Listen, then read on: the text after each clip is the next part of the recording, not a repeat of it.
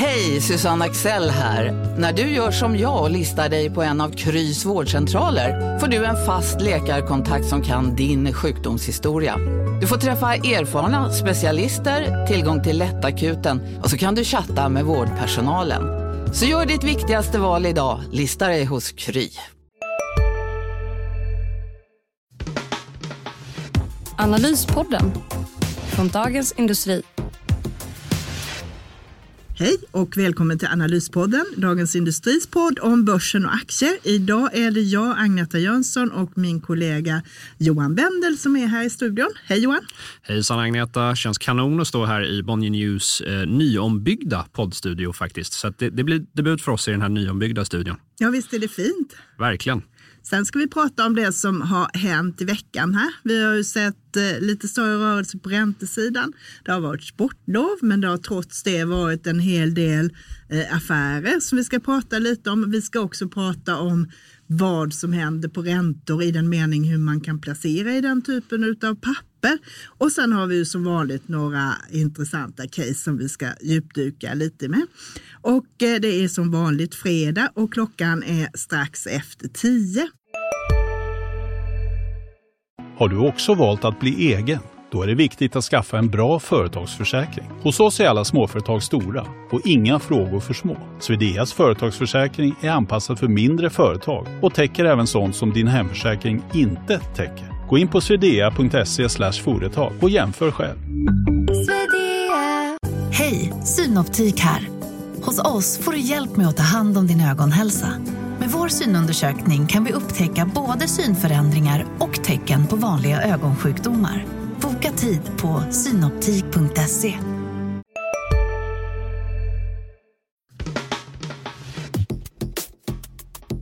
Idag har vi lite positivare öppning eh, på marknaden här. Börsen upp nästan 1 procent.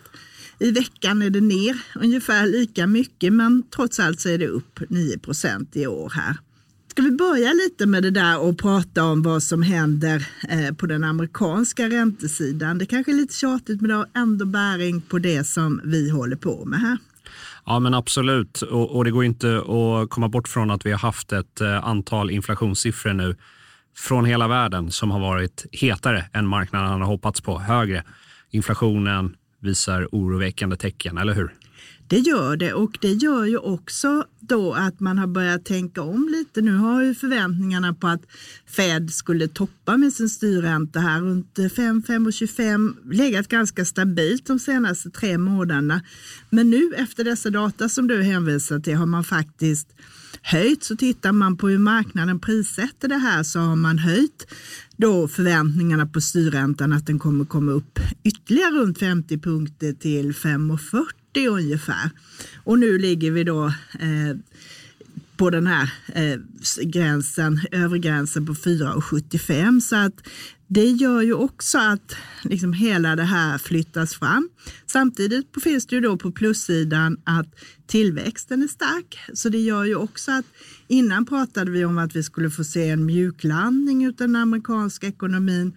Eh, nu är det många som tror att det blir liksom ingen landning alls utan det bara fejdar ut helt enkelt. Däremot är ju då inflationen starkare än väntat så den kommer man hålla järnkoll på. Och Fed håller också järnkoll på vad som händer på arbetsmarknaden. Normalt skulle vi fått arbetsmarknadssiffror från USA. Det får man alltid första fredagen i månaden. Men denna gången blir det inte så utan vi får vänta ytterligare en vecka.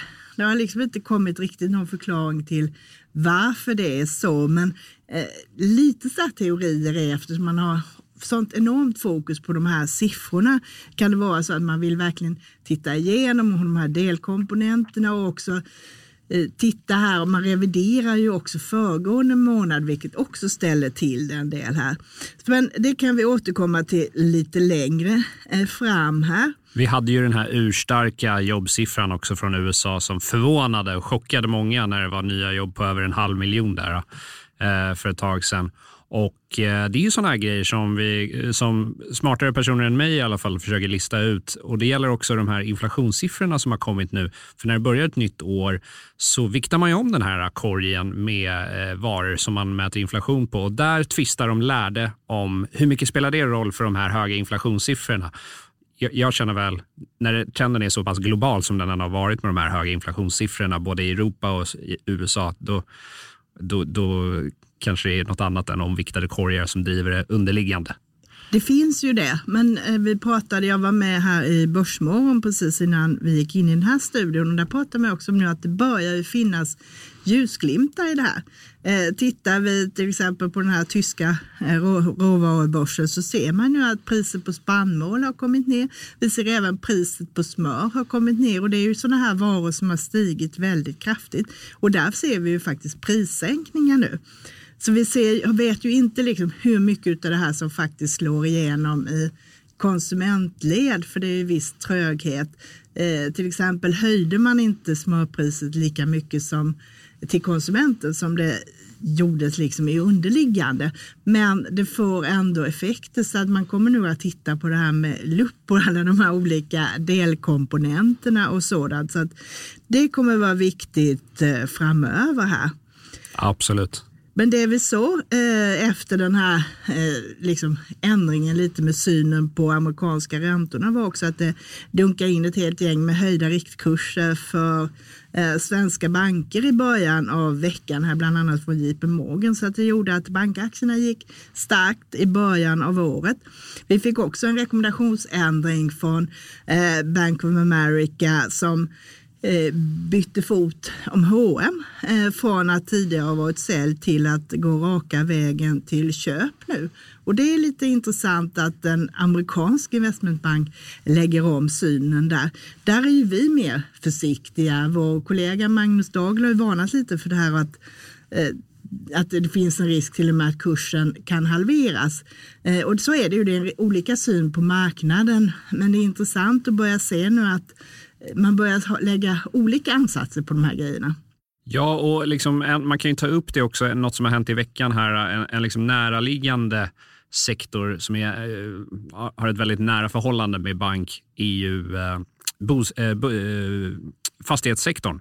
Och där kom ju i veckan besked om att eh, Heimstaden Bostad ska återköpa obligationer för 8,5 miljard kronor. Nu får vi väl ändå säga att det här är, är en trend med, med fastighetsbolag som gör den här manövern. Vi har Balder har gjort det, Sagax har gjort det, SBB har gjort det bland annat. Så det, det, är en, det är en intressant trend som man ser där ute och kanske ett tecken på att eh, de här eh, finansiella förhållandena där ute har mjukats upp något. Ja, vi kan ju fortsätta på det spåret. Dels det här som du säger då, att man köper tillbaka obligationer och det beror ju på att Eh, räntorna har stigit vilket gör att priset på obligationer har gått ner så man köper tillbaka dem med rabatt helt enkelt. Och har man då kapacitet att kunna ge nya eller finansiera om det med banklån och sånt så är det ju en effekt som ger en positiv klirr i kassan helt enkelt när man gör det så att de som har möjligheter kommer att göra det där. Och det har ju varit väldigt mycket diskussioner om det här med fastighetsbolagens eh, stora eh, finansiering på eh, obligationsmarknaden. Eh, våra fastighetsbolag har flyttat under de senaste tioårsperioden mycket från ren banklåning ut på obligationsmarknaden och när den i princip frös till is här i höstas så börjar man befara att det blir stora problem. Eh, allt kan inte flytta in i banksektorn. De som ändå gav ut obligationer fick betala ganska mycket högre i ränta än vad de var vana vid. Så att det gör att man måste arbeta med det här. Vi fick ju också en händelse i veckan här som har bäring på detta. Det var ju fastighetsbolaget Balder som fick sitt betyg sänkt ut av Modis. De har redan i höstas sagt att de var under granskning för nedgradering. Och det vet man ungefär när de är under den granskningen så är det ungefär 50-50 chans att det faktiskt blir av. Eh, och det gör att marknaden har prisat in det här eh, till stor del. Och nu gjorde man det. Man sänkte det precis under gränsen för det här som man kallar för investment grade, eh, vilket då är då ett samlingsnamn för obligationer där man ser att kreditrisken är lägre. Eh, och eh, däremot så ligger Balder fortfarande kvar två steg över den här gränsen hos det andra stora kreditvärderingsinstitutet Standard Poor's. Eh, det blev lite rubriker på det här för dels är det det första stora kredit, eller fastighetsbolaget som fick skräpstatus och Balders aktie backade 5% när den här nyheten Eh, kom här. Eh, samtidigt fick du då se andra fastighetsbolag som SBB, du har Castellum, du har Wallenstam och Fabege tappade runt 4 procent också. Så att man tittar väldigt noga på vad som händer i den här eh, sektorn och det kommer man att fortsätta att göra med. Sen en annan spaning som jag hade här, det var att man ser annars att Eh, väldigt eh, små affärer får stora effekter på aktiekursen. Eh, du hade till exempel det här marknadsundersökningsföretaget Sint som har haft det riktigt motigt på börsen och aktien har tappat jättemycket. Där fick du ett kurslyft på 12 procent efter att en styrelseledamot köpt aktier för 10 miljoner. Du har SBB steg 9 procent efter bara liksom några höjda köprekommendationer. Och du fick den här avknoppningen från SBB, de här Nebo som kom ut på börsen här, här om veckan. Där köpte deras vd då Ylva Westerman köpte aktier för typ en miljon kronor och eh, då fick du också en kraftig kursutveckling eh, i samband med det. Och du hade då Daniel Kaplan som är vd för Storskogen. Han sålde aktier för 15,5 miljoner på han skulle betala skatt och då föll aktien 7 procent. Och det känns ju liksom inte riktigt friskt med så stora rörelser. Visserligen insideraffärer är viktiga men det här det får ju vara någon måtta på det. Kan det vara en, eh, vad ska vi kalla det, ett sportlovssyndrom här där förvaltarna är uppe i fjällen eller de är nere i Alperna och åker skidor och eh, det är helt enkelt mindre likviditet. Det krävs mindre för att flytta kurserna. Det kan absolut vara så eh, och sedan är det den typen av aktier där du har normalt en stor rörelse i det hela men så här mycket brukar det inte eh, kunna vara i alla fall tycker jag. Ja, intressant spaning. Vi har också en annan, faktiskt en stor affär då i veckan här. Eh, kan du gissa vad jag tänker på då? Jag har en aning. Berätta. Det är Nibe. Eh, där fick du en eh, fall på 8 procent när de gick ut med att de skulle då köpa 44 procent utav ett japanskt värmepumpsbolag, Fujio General, som värderas ungefär till 30 miljarder på Tokyobörsen. Så för Nibes del skulle det handla om en affär ungefär på strax under 14 eh, miljarder. Det är stort, men de har ett eget börsvärde på 200 miljarder ungefär här. Eh, det som man reagerade kraftigt på var att man tycker att den här affären att det är lite väl dyrt. Eh, det här Fujitsu omsätter cirka 30 miljarder per år och har en rörelsemarginal på 5 här. De växer kraftigt i Europa och USA där de nu har halva omsättningen ungefär. Sen är ju Nibe inne och tävlar om den här affären med eh, två riskkapitalbolag, amerikanska. Det är både Bain och KKR som är intresserade av det här. Eh, vår kollega Ulf Pettersson skriver om detta att kursfallet i Nibe är logiskt och det är svårt att med synergier i ett delägt bolag. Det är klart du kan inte in och röja och bestämma som du vill och du kan inte ta ut så mycket på inköp och sådana här saker som om du hade gjort det själv. Men att nedgången är väl stor. Aktien följer lika mycket, faktiskt mer än vad det här förvärvet skulle kosta. Eh, sen får vi vänta nu kanske en månad om det här faktiskt blir av eller inte. Har du någon syn på den där affären? jag tycker det är intressant att ändå, när vi tittar på klimatet som är ute på finansmarknaden nu, visst det har lättat upp, men det är ju knappast den här euforin som vi hade under 2021 och 2020. Vi är långt därifrån.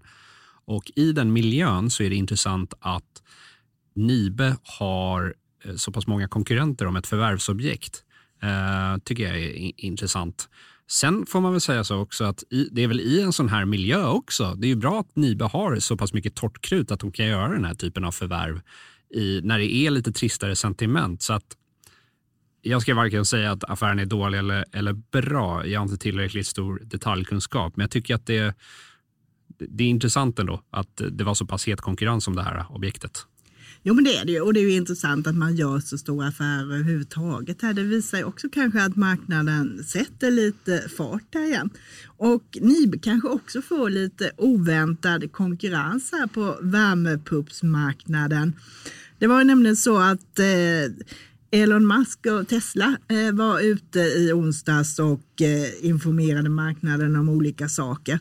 Dels blev man lite besviken för man hade hoppats att det skulle komma en ny bilmodell från Tesla. Det gjorde det inte. Men däremot så pratade om han att det kanske vore läge för Tesla eller honom eller något av hans andra bolag att ge sig in just på värmepumpsmarknaden, vilket han tycker är viktigt just det där med tanke på omställningen till förnybart och hur man, sättet man värmer upp hus och såna grejer. Man har tydligen den teknologin redan i bilarna på något sätt, vilket då kan utvecklas till större skala här.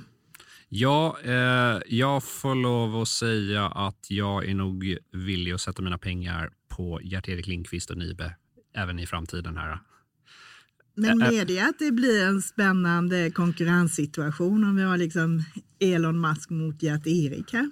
Absolut, absolut. Jag vill se dem i en debatt på, på en DIC någonstans. Hoppas vi kan lösa det. Det hoppas jag vi kan lösa. Eh, då kanske vi kan få lite annan anledning att fråga ut honom, bland annat om Twitter och det också som inte verkar gå så jättebra för hans del nu. Jag tänkte att vi ska grilla Gert-Erik Lindqvist. Aha, vi tar bägge två.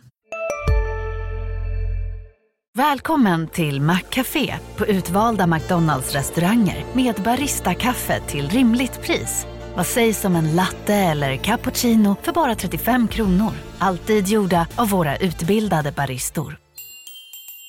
En nyhet. Nu kan du teckna livförsäkring hos Trygg-Hansa.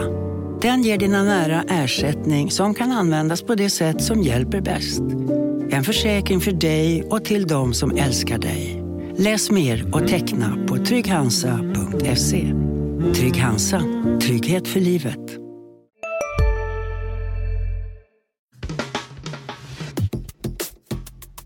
Sen har du en annan spaning här eh, som är mer inåt det defensiva hållet kan man väl säga. Ja, men exakt. Nu har det ju passerat årsdagen här för Rysslands invasion av Ukraina. Det var 24 februari 2022 som Ryssland invaderade och en aktie som rusade på det var ju eh, försvarskoncernen Saab som ja, mer eller mindre kursdubblades på väldigt kort tid efter invasionen. Men eh, eh, Saab hade ju en kapitalmarknadsdag här i början av februari som jag faktiskt var på och sen dess går det ju bara konstatera att den här kursen har ju fortsatt rakt uppåt efter den eh, kapitalmarknadsdagen. Saab-kursen är nu över 600 kronor. Det är en helt otrolig utveckling faktiskt. Och eh, nu börjar det närma sig att den är upp 200 procent sedan invasionen. Det är faktiskt remarkabelt. Och, eh, jag tyckte att det var väldigt mycket folk på kapitalmarknadsdagen. Man märkte att det var liksom eh, Mikael Johansson, saab sa att liksom, för ett år, lite mer än ett år sedan så satt de på Saab-kontoret och pratade om liksom hållbarhetstaxonomi och sådana här grejer. Och sen så blev det väldigt mycket mer på riktigt helt plötsligt. Eh, och det var andra, andra grejer som började dominera hur, vad de tänkte på och så vidare. Och eh, samtidigt går det inte, efter den här kursuppgången, Saab är ju nu, har ju nu en ordentlig premievärdering alltså. Eh, tycker jag. Och eh, frågan är om värderingen kanske blivit lite väl ansträngd. Men eh, det går ju inte, inte konstatera annat än att framförallt jag tror att det som många köper Saab på e är ju affärsområdet Dynamics som bland annat inkluderar då Enlo som är det här eh, pansarvärnsvapnet som har skeppats till Ukraina och som Ukraina har använt med stor framgång mot ryska stridsvagnar och stridsfordon. Så att, eh, ja, jag vet inte. Jag är lite kluven nu kring Saab på de här nivåerna. Det är klart, det är som sagt, du har då dels hög värdering. Sen har du då å andra sidan på positiva sidan att väldigt många förvaltare som förut inte fick investera i Saab har börjat göra det på fondsidan. Eh, och har du det här positiva momentumet, som sagt en hög värdering sänker inte en aktie men det kanske ändå liksom, är man lite mer kortsiktig kanske det finns attraktivare saker att göra med pengarna. Ja, men, ja, men precis, du har helt rätt. Och, eh, ja, en sak som slog mig också under kapitalmarknadsdagen i vd Mikael Johanssons anförande var han sa att eh, vi har, vi har, Nato kommer vara stort för oss. Jag tror inte, och han sa att jag tror inte vi, vi riktigt har förstått hur stort det kommer vara för dem. Eh, och nu, nu är inte Sveriges medlemskap i Nato klart än. Eh, det är en annan historia. Men det är också en sån här faktor som vi kanske underskattar hur viktig den är för, för Saab. Men det återstår att se. Men det är i alla fall all anledning att följa med det där och jag hoppas du kommer fortsätta att bevaka dem och tala om vad som händer. Absolut, absolut. Ska vi gå vidare och gå in på lite case tycker du? Absolut. Då har jag faktiskt med mig ett som har lite bäring på det här med räntor och konsumtion och sådana här grejer. Eh, man kan faktiskt titta på två olika sätt på att eh, investera i kredithanteringsbolaget Intrum. Det var ju, förra året var ju ett riktigt uselt år för dem. Eh, de bytte vd i höstas igen när Anders Engdahl fick lämna över till tidigare styrelseledamoten Andreas Rubio. Efter det så kom stora nedskrivningar i dels ett samägd eh, portfölj där det var ett riskkapitalbolag sålde och då var Intrum också tvungen att nedvärdera. Så aktien är ner 45 procent eh, senaste året. Eh, så dåligt går det liksom inte i den underliggande verksamheten. Man har två delar. Dels så driver man in eh, fordringar för annans räkning, vilket man får betalt för och dels har man då portföljer med egna fordringar, framförallt då förfallna banklån som man har köpt och driver in för egen räkning. Och de här värderas ju då eh, utifrån ränteläge och utifrån utsikter till att få in pengar och sånt, vilket gör att det blir stora slag i resultaten. Så att man får fokusera lite på att titta på hur det ser ut underliggande. Så att säga. Vad är det för pengar kommer in? Hur ser kassaflödet ut?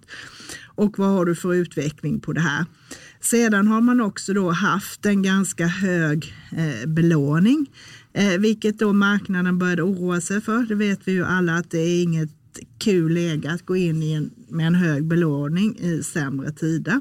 Man fick också då eh, när man gjorde en obligation på i euro här i november så fick man betala en hög ränta 9,25. Jag tror att Intrums syfte var att visa att de faktiskt kunde emittera då. Det var under den här perioden när marknaden var jättesvag och istället så blev man kanske lite chockad för hur hög räntan blev.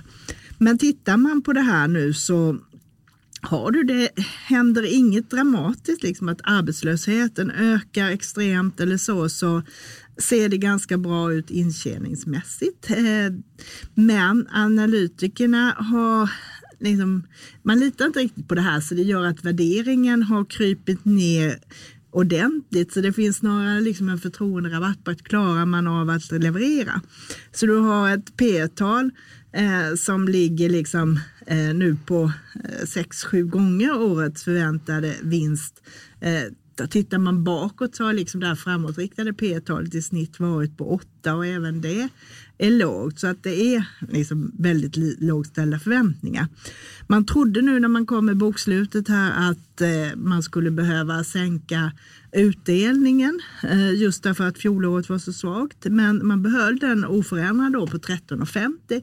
Det man gjorde var ett nytt grepp att man faktiskt delar upp det i två betalningar så man får 6,75 två gånger. Men det ger ju ändå liksom en direktavkastning på 10 procent, vilket är högt här. Så att det ser lite intressant ut om man vill titta på det. Men det finns också en intressant grej. Jag skrev ju nu om i veckans tidning här om eh, hur räntemarknaden fungerar, obligationsmarknaden, vad det är som styr den och risker och så. Så tog med lite olika exempel på hur man kan då placera från liksom låg risk i obligationsfonder med inriktning på statsskulder och sånt där till lite högre risk med fonder med företagsobligationer. Och vill man ta ännu högre risk kan man göra en egen obligationsportfölj med företagsobligationer. Men normalt sett så kostar det, måste man investera runt en miljon om man köper på stora marknader. Så att säga. Och det är inte alla som kan bygga en bra portfölj med spridning då. Så ska du göra som privatperson. Du kan ju inte bara köpa en obligation utan det är precis som aktier att du behöver sprida riskerna. Och då såg jag att Nordea till exempel har något som heter räntebevis där du har ett tiotal bolag då som ligger antingen i nedre delen utav det här investment grade spannet då eller strax under så att säga men där du då har höga räntor. Och då har du bland annat då finns Intrum med i det här och då har du ett räntebevis. Minsta belopp du kan köpa är 10 000 kronor.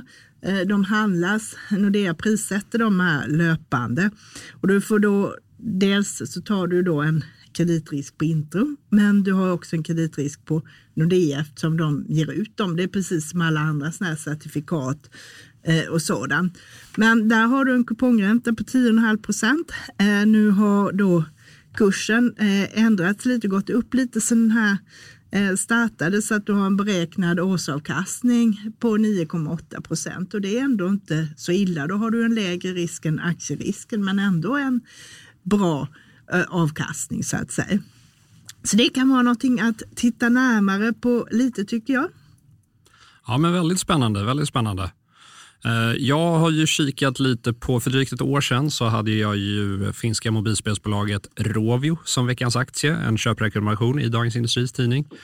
Och eh, nu har det ju gått som sagt ett år sedan den aktien eh, köprekommenderades av mig och det har ju blivit en eh, bra rek får man ändå säga.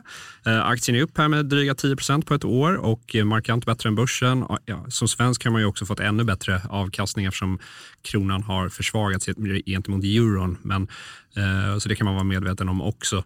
Eh, det som har gett Rovio en riktig skjuts här på slutet är ju att eh, israeliska Playtika har lagt ett bud på det här bolaget, eller ett indikativt icke-bindande bud ska vi säga. Som Rovios styrelse har ju varken sagt bu eller bä till det här budet utan man säger att man utvärderar eh, och för diskussioner med Playtika och även andra aktörer om alternativen för Rovio. Man kan ju notera att Rovios aktiekurs handlas under det här budet Eh, innan vi gick in här så handlades Rovios, Rovio kring 8,1 euro eller strax däröver. Och det här budet ligger på 9,05 euro per aktie. Och det ska sägas att budet är alltså icke, icke bindande och indikativt. Men Rovio hade ju ett, ett 2022 som inte riktigt levde upp till förväntningarna. Visst, man växte, men det blev inte fullt så bra som i alla fall jag hade hoppats på. Det kan man erkänna. Och eh, en bov i det här dramat fortsatt är ju det som Apple kallar för App Tracking Transparency. Alltså de här restriktionerna som avgör hur man kan spåra användares aktivitet mellan appar. Ni, ni som har iPhones har säkert märkt att ni får upp den här rutan begär att inte bli spårad av appen. Och det där är någon, de flesta väljer att eh, begära att inte bli spårad av, av appen. Eh, man tillåter ingen spårning det har gjort att eh, eh, spelbolagens, mobilspelsbolagens marknadsföringsutlägg eh, har inte varit li, är inte lika effektiva som tidigare helt enkelt. Och det där plågar hela mobilspelsbranschen och är en av anledningarna till att värderingarna har kommit ner så mycket. Och där är en osäkerhet fortfarande tycker jag som ligger och, ligger och skvalpar. Så jag är väl lite avvaktande nu till hur man ska göra med Rovio-aktien. Här någonstans så värderas den till ungefär 19 till 20 gånger eh, väntade årsvinsten för 2023. Det är en ganska hög värdering om man jämför med peers. Eh, så jag tycker väl man ska vara lite försiktig och avvakta här med, med Rovio på de här nivåerna faktiskt. Även, men som sagt, det finns även uppsiderisk i form av eh, bud, buddiskussioner och så vidare som förs där ute. Det finns det ju, men man ska, jag tycker ändå man ska vara lite försiktig med det där. Jag gick ju på pumpen på det här med Sobi-budet bland annat. Eh, annars brukar jag sälja när, såna, när det kommer den här typen av bud. Men för en gångs skull klickade jag i det här att eh, tacka ja och skicka in. Och det skulle jag ju inte ha gjort, för det blev ju pannkaka utav det. Så att, liksom, lite det här, är man nöjd med utvecklingen kanske man ska ta hem sina pengar från bordet.